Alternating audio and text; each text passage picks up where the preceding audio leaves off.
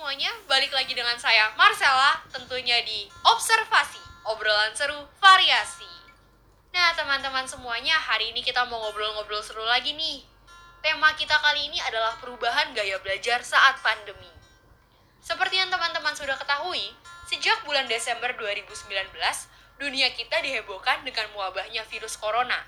Ya, virus yang berasal dari Wuhan, China. Virus yang perlahan mulai menyebar luas dari satu negara ke negara lainnya. Tidak bisa dihindarkan karena virus ini menyebar dengan sangat mudah dan sangat cepat, mulai dari kontak erat hingga percikan air liur. Virus ini juga dapat bertahan hidup di banyak tempat, seperti di gagang pintu, kertas, tempat duduk, dan lain sebagainya. Bermacam cara sudah diupayakan oleh pemerintah untuk memberantas virus ini, terutama di Indonesia. Dengan pembatasan sosial berskala besar atau PSBB dan work from home maupun belajar dari rumah, cara tersebut dilakukan untuk mengurangi interaksi atau kontak langsung dengan orang lain.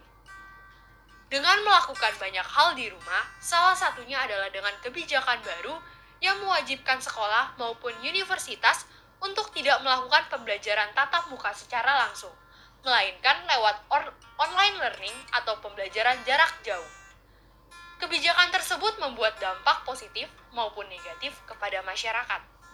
Kebijakan tersebut tentunya juga sangat berpengaruh terhadap budaya masyarakat kita yang awalnya banyak masyarakat melakukan kegiatan secara tatap muka secara langsung, dengan sangat cepat harus bisa beralih ke tatap muka secara daring atau online.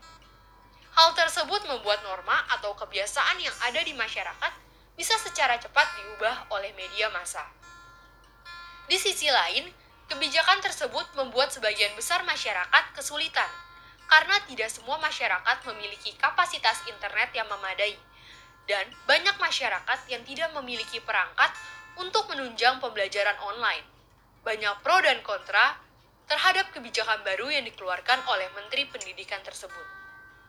Menurut sebagian besar masyarakat, belajar online juga cukup membebani orang tua, terutama untuk anak usia sekolah dasar yang masih sangat membutuhkan bimbingan dari orang tua. Sedangkan, tidak sedikit pula orang tua yang masih harus bekerja.